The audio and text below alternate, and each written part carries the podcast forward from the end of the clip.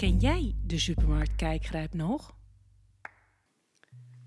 Heb jij met twee vingers tussen een kluisdeur gezeten?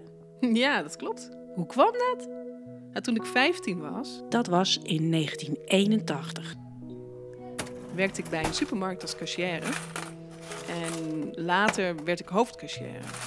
En een van de taken van een hoofdcashier was om het geld te tellen van de omzet van die dag, in de cassette te doen, in de kluis te bewaren tot de bodenlopers komen. Ik had al het geld geteld, ik had het in die cassette gedaan, in de kluis gelegd en rond een uur of drie kwamen de bodenlopers. Dus ik loop met die bodenlopers naar, die kluis, open de kluisdeur, maar op een of andere manier was misschien afgeleid, ik weet het niet zo goed meer, had ik die deur niet goed open gedaan. En op het moment dat die deur niet helemaal open staat, valt hij vanzelf weer dicht. Ik had die deur dus niet goed open gedaan en hij viel dus weer dicht. Ik wilde dat voorkomen en die deur gewoon weer goed open doen. Dus ik greep met mijn hand die kluisdeur om hem open te trekken. Alleen ik had hem niet goed vast. En ik had hem maar met twee vingers vast. En mijn twee vingers zijn dus niet sterk genoeg om die kluisdeur te openen.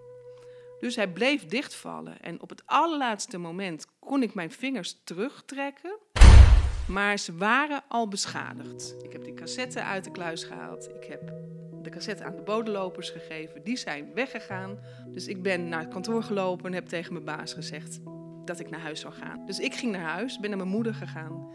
En met mijn moeder samen zijn we naar het ziekenhuis gegaan. Want het werd al blauwer en blauwer. En in het ziekenhuis hebben ze even gecheckt of er iets gebroken of verbrijzeld was. Nou, dat was gelukkig allemaal niet het geval. Maar er zat echt een enorme bloeduitstorting. En in het ziekenhuis hebben ze bedacht om de druk uit mijn vingertoppen te halen, dat zij een gat moesten maken in mijn nagels. De nagels van twee van mijn vingers. En dat hebben ze gedaan door een warme paperclip door die nagel te branden. En daarmee verdween de druk van de vinger en kon het bloed weg. De nagels van je vingers groeien vier keer sneller dan je teennagels. Vond je dit nu leuk? Abonneer je dan via Soundcloud of iTunes en laat een beoordeling of recensie voor me achter. Daar word ik nog veel vrolijker van.